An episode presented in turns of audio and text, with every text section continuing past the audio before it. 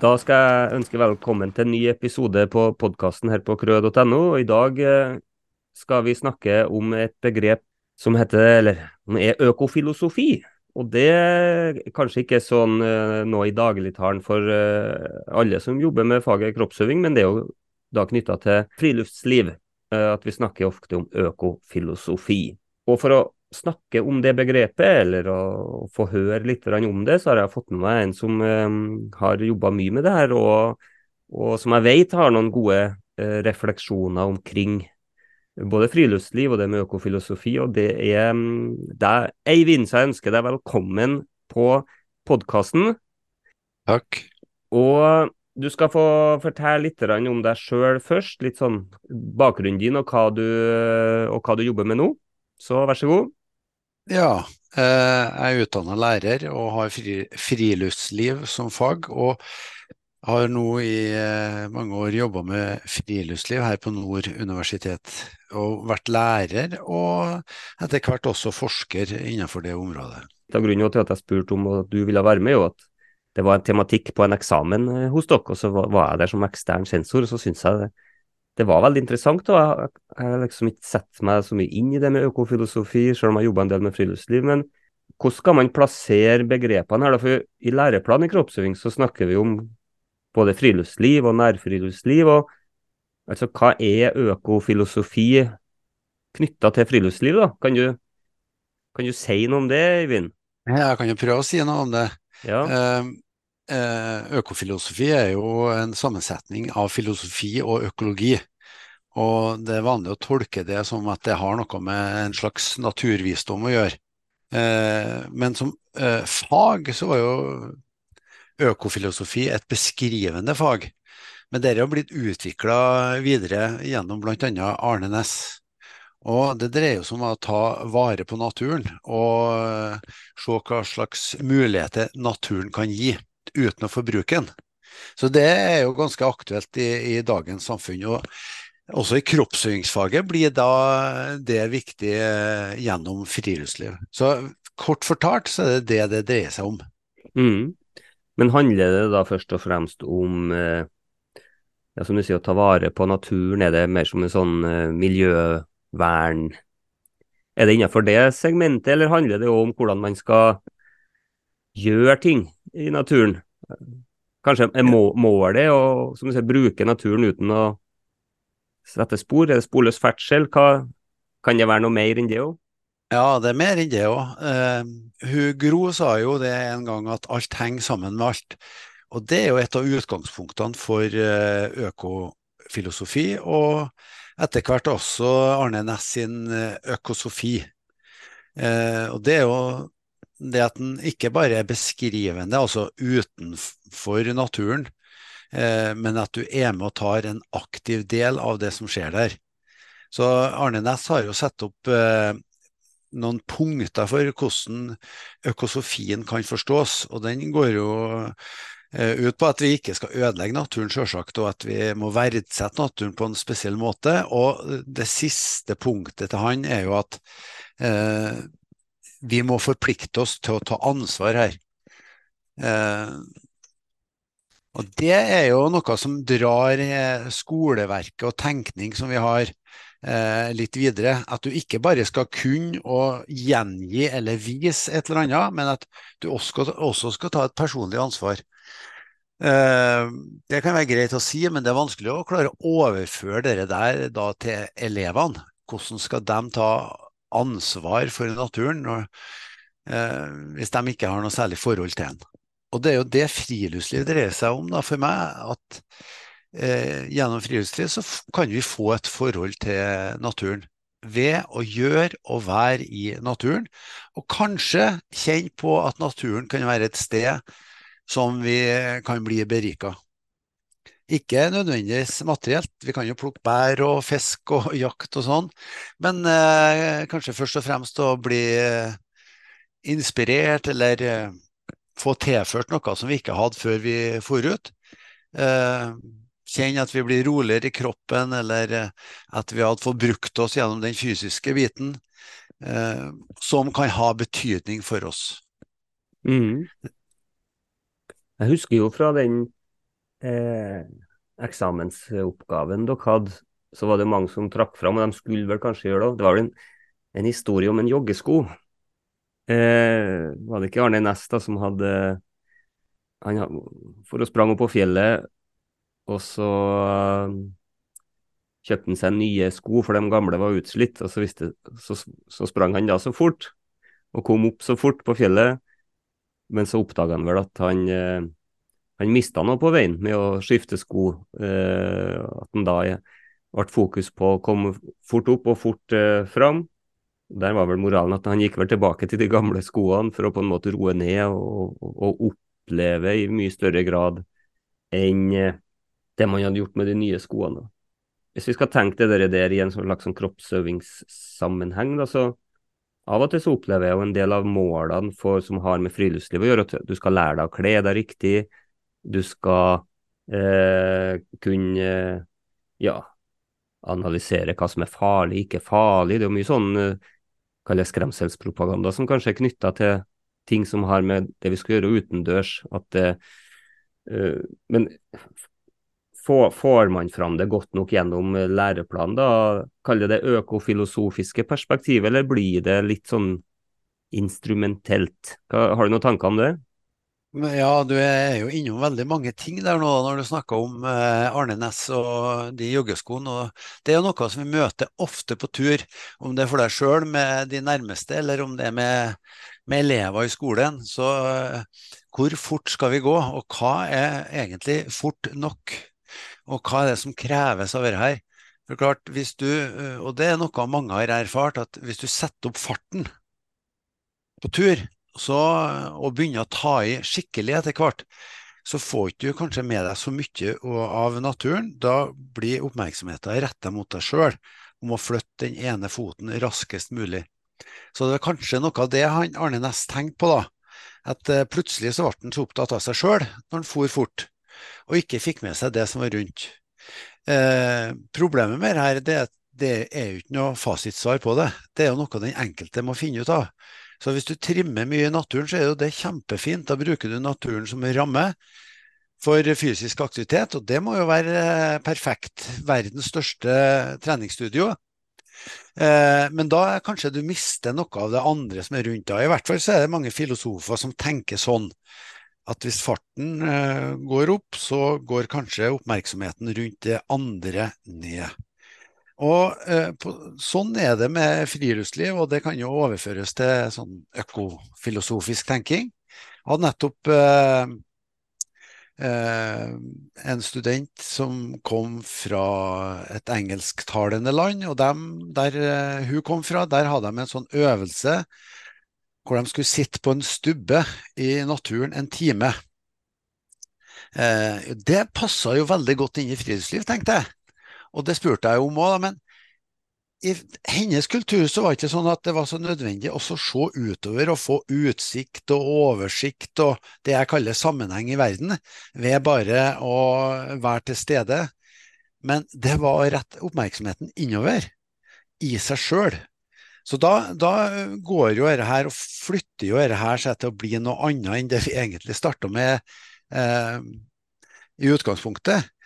Eh, jeg vet ikke om jeg tillater meg å si å bruke ordet vanlig i denne sammenheng, men vanlig friluftsliv i Norge er jo å gå tur. Altså at vi gjør noe fysisk. Og det har stor oppslutning. Men det er også dem som uh, snakker om at det å gå ut i naturen for så å sette seg og begynne å eh, tenke innover for å bli berika av det som er utafor, er noe som eh, er viktig. Jeg hadde nettopp en kronikk i ei avis eh, om eh, norske skogterapeuter, tror jeg de kalte kalt seg, som eh, snakka varmt for det å sitte i skogen og ta skogbad uten å bade i et vann, men ta inn alle inntrykkene som var i, i skogen. Og, og, hun som skrev det, hun mente jo at uh, det var kanskje litt freidig av norsk friluftsliv å mene at en hele tida skulle, uh, skulle være nødt til å gå og, og, bruke kroppen på den måten fysisk. Eh, så en kommer borti mye rart mellom når en eh, holder på i denne bransjen. Kanskje ikke rart for dem som er opptatt av det, men eh, ved første gangs lytting så er det kanskje noe som er litt annerledes med denne innfallsvinkelen med økofilosofi og økosofi og bruk av naturen. Mm. Men det handler jo, hvis en skal snakke om hvilke kunnskaper vi ønsker at elevene skal jobbe med, eller sitte igjen med, eller utvikle gjennom faget. Så i mange sammenhenger så snakker vi om kroppsøving som et danningsfag. Det kan jo hende at man kan la seg inspirere noe av det økofilosofiske inn i hvordan man skal ikke bare legge til rette i undervisninga, men hva, hva man òg kanskje skal prøve å sette i gang av tankevirksomhet for elevene i et sånt danningsperspektiv. da, At uh, altså man må på, ja, kalle roe ned, og så både å bli berika av det man opplever rundt seg i naturen, men òg kanskje begynne å se seg sjøl i en sånn sammenheng. eller hvordan, Ikke minst hvilke spor setter jeg igjen etter meg, hvordan, hvordan min altså hvordan alt det jeg gjør, hvordan det påvirker alt rundt meg. Mm -hmm. og, og, kanskje er det sammenhengen da hvordan påvirker det naturen og og mangfoldet rundt meg. Men jeg vet ikke, altså skolen har jo et veldig sånn bredt mandat. Mm. Men hva er det du tenker fra det, liksom det økofilosofiske? Hvordan, ja, hvordan kunnskaper kan vi kanskje tilføre eller hjelpe elevene med å opparbeide, da, som vi kanskje ikke er så flinke Er det noen ting vi kanskje ikke er flinke nok til å tenke på i en sånn kroppsøvingssammenheng, som der det det økofilosofiske perspektivet kan, kan komme til nytte. da. Vet ikke om du har noen tanker om det, Eivind? Jo da. Eh, det er mange ting som eh, blir berørt av det der. Eh, men jeg tror friluftsliv, det, det representerer det ikke bare kunnskap, men det at vi får brukt sansene våre sjøl. Og Derfor så må vi snu om på det der, eh, tenker jeg, og prøve å sette eleven i sentrum, og at eleven får lov til å være med på å bestemme. og på den måten legge til rette for at de skal få gode naturopplevelser. Eh, for naturopplevelsene de kommer uansett. Men det er ikke sikkert de blir nødvendigvis gode til å begynne med. For eksempel så har du hørt mange elever de har sagt at de har frosset når de har ligget ut på tur. Eh, det kan jo kanskje bli brukt til noe annet, men det er jo ikke noen god metode å legge opp til at eh, elever skal fryse. Så noen fundamentale behov må jo være i, i bunnen. Og sånn som det blir gjort i skoge, skolen, så i, i emnet friluftsliv i kroppsøving eller som valgfag, så lærer jo elevene å te seg og kle seg når de skal være ute. Og det innbefatter jo alt av utstyr som telt og kokesett og lage mat ut og eh, ja, få kunnskap om hvor de setter opp teltet og på hvilken måte det skjer, og te seg og kle seg. Eh, det og, og, ikke minst det der at det ikke skal skje noe type ulykker, så vi må jo være oppmerksom på ting som kan eh, gå galt òg. Og spesielt hvis vi skal dra på vann, f.eks. med kano eller kajakk eller båt. Så er det jo noen regler som gjelder, og den kunnskapen må de jo ha med seg før uh, vi kanskje drar på tur. Men stort sett så er jo turer i naturen ganske ufarlig. Vi pleier ofte å si at de fleste ulykkene skjer jo hjemme, og ikke ute på tur. Uh, og det bare det er jo et eget kapittel. Eh, Lena Dahl skrev jo doktorgrad om ulykker i friluftsliv i norsk skole her for eh, noen få år siden. Og hun kom jo fram til at det var jo ikke akkurat mange ulykker som skjedde. Så jeg ser ikke på det som en sånn stor utfordring når det er snakk om friluftsliv. Jeg ser mer at vi må prøve å få til gode naturopplevelser. For det er gjennom det at eh, vi kan nå, nå målsettinga om eller målsettingene om friluftsliv, også i et helseperspektiv. Vi må gå, og vi må gjøre noe. Eh, og så kan vi prøve å snakke om det som skjer. Eh, og der syns jeg kanskje skolen eh, at vi skal bruke kroppsøvingstimene og friluftslivet til å sitte og, og snakke med elever som fra før av er urolig. Jeg vet ikke om det er noen god løsning. Kanskje er det heller i etterkant av en tur eller overnattingstur at de kan få lov til å reflektere og så legge inn på nettet da, eh, hva de har av erfaringer. Og det har jo jeg prøvd eh, når vi har fulgt med skole her. og Utrolig hva elevene eh, liker det å være på tur. Og de møter andre medelever som de ikke har snakka med, og de gjør erfaringer fra naturen som de ikke har gjort før. Det var jo veldig pussig et spørreskjema vi hadde for noen år siden. Det var noen elever som syntes det var veldig spesielt å kunne gå til bekken og hente vann. Det er en selvsagt ting, vil mange si, men når det kommer til stykket, så er det ikke selvsagt, og alle har ikke prøvd det. Og alle har ikke prøvd å ligge i telt og være ute, og være ute et helt døgn heller. Så eh, jeg tror det er mange ting å lære av det. Da lærer du av din egen kropp og med egne sanser. og Du står i, i nær forbindelse med de andre elevene, som mm. kan gi gode opplevelser. Ja. ja ikke minst det at de, altså opplevelsene gjøres i fellesskap. At man gjør, opplever ting sammen. Er ofte noe som kanskje forsterker. Og som du sier, at det har noe med Det kan nesten være sånn avgjørende for gode klassemiljø av og til at man har for Min erfaring er det altså har man en, kanskje en overnattingstur tidlig på året. Det, man blir jo som lærer kjent med elevene på en litt annen måte, og elevene blir kjent med hverandre og seg sjøl òg når man er ut sammen øh, over tid. Og overnatter, f.eks. Så øh, det er noe sånn grunnleggende veldig bra med å, å ha friluftsliv inni kroppsøving eh, tror jeg, da.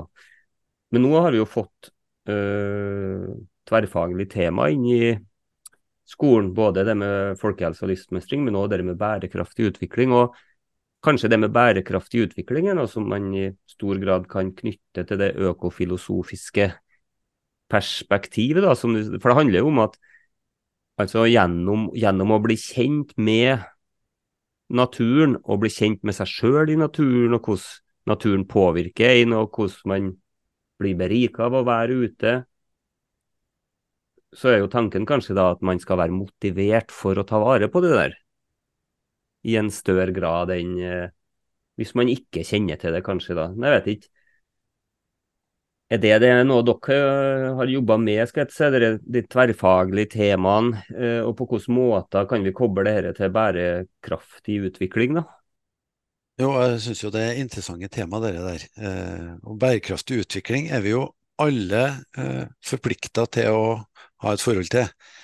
Om det er et tverrfaglig tema, eller om det er et tema i kroppsøvingsfaget, så syns jeg det er viktig. Det er jo spørsmål på hvilken måte.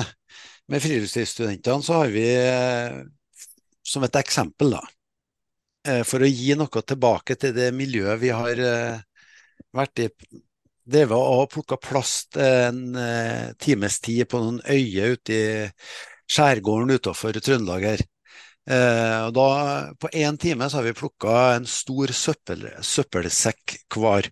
Så hvis vi har vært 15 stykker på tur, da, så har vi eh, vært et lite lass, altså 15 store søppelsekker med plastrammel som vi har samla opp.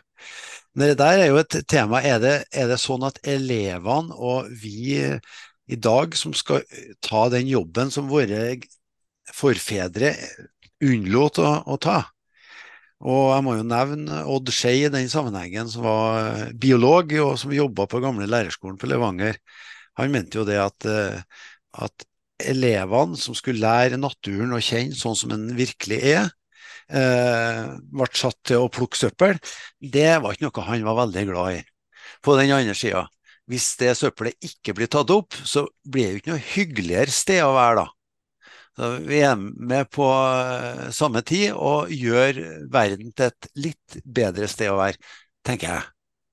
Men først og fremst, eh, når vi snakker om friluftsliv og bærekraftig utvikling, så tenker jeg bidraget til friluftsliv er gode naturopplevelser, sånn at en får lyst til å ta vare på det som en har rundt seg. Eh, hvor mm. langt en skal trekke det, det er jo vanskelig, for det er jo sånne individuelle forhold som det er vanskelig å gjøre opp noe regnskap eh, for for andre.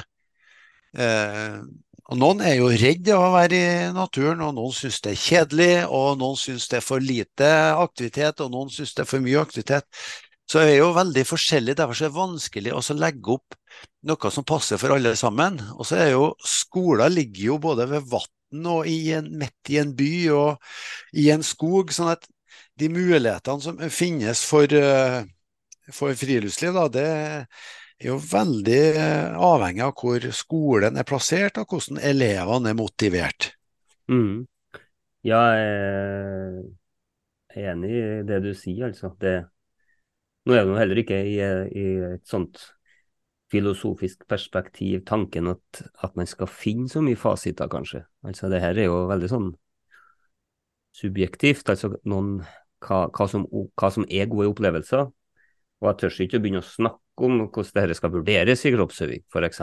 Og burde burde i det hele tatt være noen form for vurdering i, i friluftsliv? For det er klart, skal man jo vurdere noe, så er det kanskje at lærerne vurderer seg sjøl i hvilken grad de legger til rette for at elevene skal få gode opplevelser. Men man kan jo, ikke, man kan jo på en måte ikke vurdere og gi tilbakemelding på hvordan elevene har opplevd ting. Så jeg tenker man må heller fokusere på å legge til rette for for mye forskjellige typer opplevelser i naturen enn å skal fokusere på å legge opp til vurderingssituasjoner. Det, det vet jeg ikke om jeg har sett noe mye råd for sjøl heller. Så man må jo stole på at uh, hvis man på en måte legger et godt grunnlag som lærer, og der tenker jeg man kan jo ha noe, kanskje noen prinsipper eller noen tanker, og det jeg syns det var fint at vi fikk inn et begrep som heter nærfriluftsliv, for det kanskje flytter jo litt fokuset på at man trenger jo ikke å forå så langt, kanskje.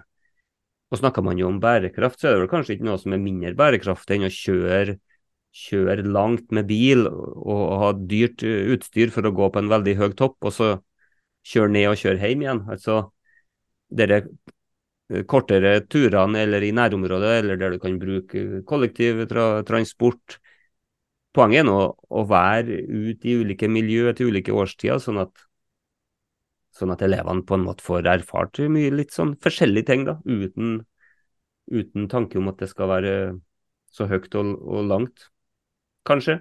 At det Ja, at man må kanskje ha det som i, i bakhodet eh, som lærer når man planlegger hva man skal fylle faget med. da.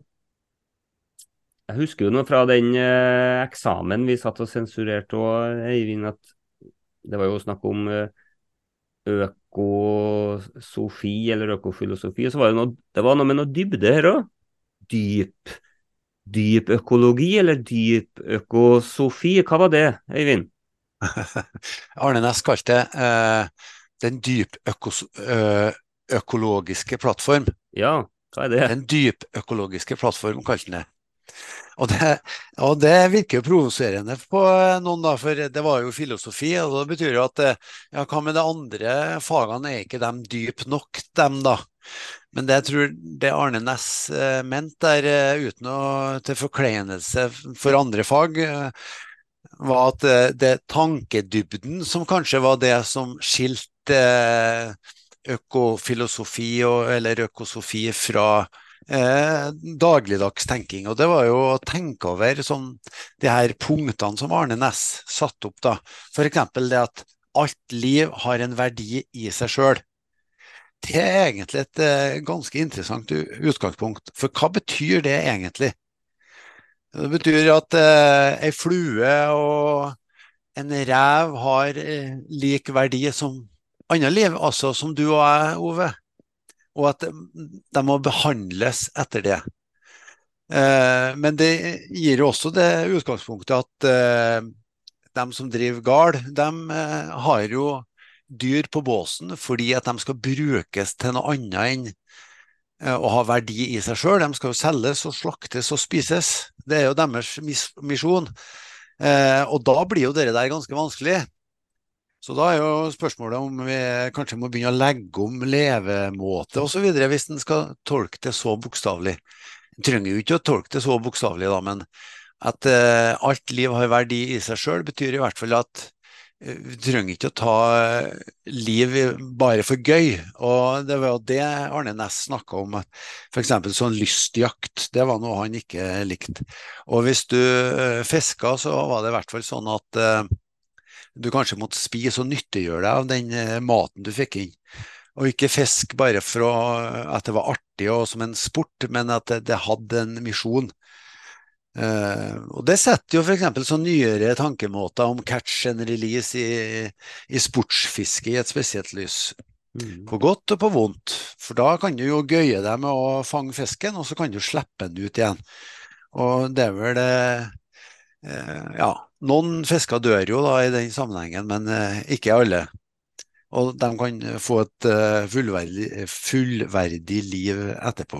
Men det er også en ting som kan diskuteres om hva som er hva her. da. Jeg vet ikke om jeg sporer av ennå, Ove, men ja, det, det som er så fint når man skal snakke om litt sånn filosofiske spørsmål, Eivind, at man Poenget er nå at man eh, skal la tankene, eh, tankene og argumentasjonen flyte litt her. jeg, jeg vet ikke helt sjøl eh, hvor vi er hen akkurat nå da, i denne diskusjonen, men eh, jeg har jo ikke, som sagt, ikke lest veldig mye omkring eh, økofilosofi. Eh, men vi har jo jobb, jobber jo en del. Jeg har jobba mye med friluftsliv når jeg var lærer sjøl i skolen, og vi har jo mye om det her i lærerutdanninga. Og et, et, grep vi gjorde her, var jo bl.a. det med å legge om litt friluftslivsturene, sånn at eh, vi ikke er avhengig av uh, å, å, forflytte oss med bil og, og egen buss lenger, f.eks. Vi legger opp til turer der vi bruker kollektivtransport for å komme oss til en plass, og så går vi kanskje tilbake. Og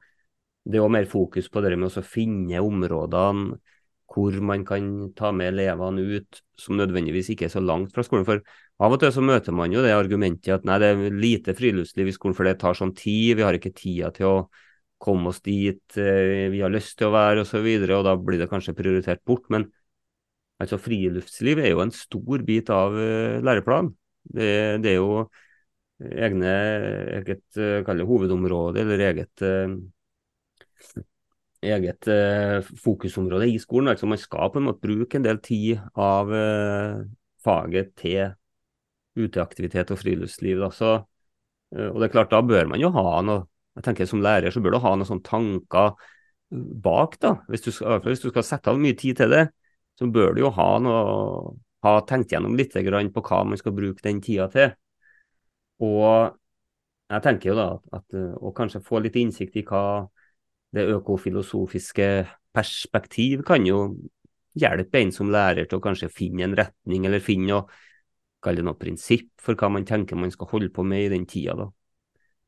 Uh, og da tenker jeg det med å med nærfriluftsliv kan være kanskje en sånn vei å gå. da, Prøve å finne, finne områder å være på ut, og det som du sier, altså Er man i en større by, så kan det jo være i parkområder eller ned mot en sjø eller langs ei elv. Ja, det trenger ikke å være i en nasjonalpark, for å kalle det friluftsliv. Jeg vet ikke om du, har, om du har noe mer Om du har noe sånn tips og råd til kroppsøvingslærere, er det noe, de, er det noe man absolutt burde ha lest, f.eks.? Noe som på en måte kan berike ens forståelse for, for friluftslivet og det økofilosofiske? Ja, jeg har jo veldig sant for eh, Arne Næss og eh, det han skriver, da. Så eh, det finnes jo mye eh, som er knytta til det. Eh, ellers er det jo eh, begynner å bli en del lærermateriell i form av pensumbøker, f.eks. For, for videregående og for lærerskolen og for grunnskolen, og regner med som er knytta til, til friluftsliv. Og det er ikke dumt å ta en eh, titt på det før en eh, starter på med det her emnet med elever. Nei. Men det, eh, jeg er enig med det du sier om nærmiljøet. Det, det er mange kvaliteter i det helt nære miljøet i et skogsholt eller sånn, men du må jo eh, nesten lære elevene også begynne å bruke sansene sine. Så det kan jo være litt sånn omfattende. Men helt sånn uh, umiddelbart så tenker jeg jo bare på at en må prøve å utfordre sansene ved f.eks. å gå barfot og ta skogsbad og ta vanlig bad. Uh, og gjøre ting som kanskje er både litt utradisjonelt, kanskje gå ut når det er dårlig vær. Eh, I den betydning mye vær, at det er vind og at det er regn, og kjenne på kontrasten til at en kan bli komme inn igjen og, og, få varmen i seg hvis det er kaldt ute. Så det her med kontraster og det der, hvordan du kan eh, kjenne at uh, naturen virker på deg, det tror jeg er viktig. Mm. Så ut og bade. Ut og bad, det tror jeg er viktig. Det kan jo hjelpe til å kjenne at det er natur. Den, ja at den har en innvirkning på det. Helt klart, altså. Min gamle kollega Odd Skei, som jeg refererte til i stad, han uh, sa jo det at en grøftekant kan inneholde utrolig mye interessant hvis du greier å se det. Det er blomster om sommeren eh, i forskjellige faser, og farger og lukter. Det er småkryp og det er større kryp. Men da må du jo, blir det jo mindre aktivitet med at du beveger deg mye roligere. Men det er jo noe som man kan ta med seg. Og tverrfaglig aktivitet kan jo være i samarbeid med andre fag, da. Mm. For å se hva som en egentlig har ut. Ja. Nå tror jeg vi begynner å runde en halvtimestid, Øyvind. Mm. Eh, er det noe du føler du skal ha, nesten som muntlig eksamen her nå, er det en, føler du at du har fått sagt det du ville si? Ja da, jeg har mye mer på hjertet om friluftsliv. Eh, bare som en, en, en kontrast, da, du, hvis det er lærere som hører på dette her. Eh, vi har jo så mange fra forskjellige europeiske land, og egentlig fra flere verdensdeler, som er og går her. Og de, når de forteller og viser bilder fra sine, sine hjemplasser, altså slår det meg hvor utrolig heldige vi er i Norge, bl.a. ved at vi har allemannsretten. For det er ingen selvsagt ting rundt omkring i verden å ha mulighet og lov til å gå på tur. Og I de store landene som Belgia og Nederland, der, der er det nesten ikke muligheter eh, for fri natur. Altså, Tilgangen til fri natur den eh, finnes ikke. Det er heller ikke friluftsliv i skole. De går ikke på tur i skoletida. Eh, og i hvert fall tilbake igjen til allemannsretten. Det er et fundament, fundament for friluftsliv som vi alle bør tenke over og gjøre elevene bevisst på hva det eh, kan ha bety for oss. Det er igjen et sånn tilbakevendende sak for meg, da. Mm. Ja, helt enig, altså. Eh, jeg jobba sjøl på skole i Sør-Europa, og der vi fikk jo rett og slett ikke lov utom porten. Mm. Altså, skoleporten var jo låst. Mm. Og det vi måtte gjøre av eh, orienteringsaktivitet og alt måtte vi jo gjøre i, i skolegården. Det var ikke snakk om å utom. Det var Ja, det var ikke lov. Så det var heller ikke noen plasser å gå. For det var altså, det som du sier, det er, jo, det er jo ikke fri ferdsel. Det er jo bare i, i, noen av de nordiske landene at vi har. Så helt mm. klart, og det er noe bra at det fortsatt er eksplisitt nevnt, tenker jeg, i læreplanen. At det med allemannsretten må man, som du sier, skal man ta vare på den, og så må man kjenne til den. Mm. Bra. Nei, men da tror jeg vi skal runde av, Eivind. Jeg syns det gikk, det gikk fort, eller? Men uh, tida går fort. Og vi har jo sikkert kunne ha diskutert mange aspekt omkring friluftsliv, men jeg vil òg anbefale at, som, at de som hører på, uh, søker opp navnet ditt. For du har, jo, du har, jo, skrevet mye om friluftsliv og skole og, sånne artige ting. Så du har skrevet mye fornuftig òg. Så uh, ikke bare les Arne Næss, men les òg Eivind Sæter. Er mitt, uh, mitt forslag her på tampen. Så jeg vil bare si, Da sier jeg bare tusen eh, takk for at du stilte opp, Øyvind.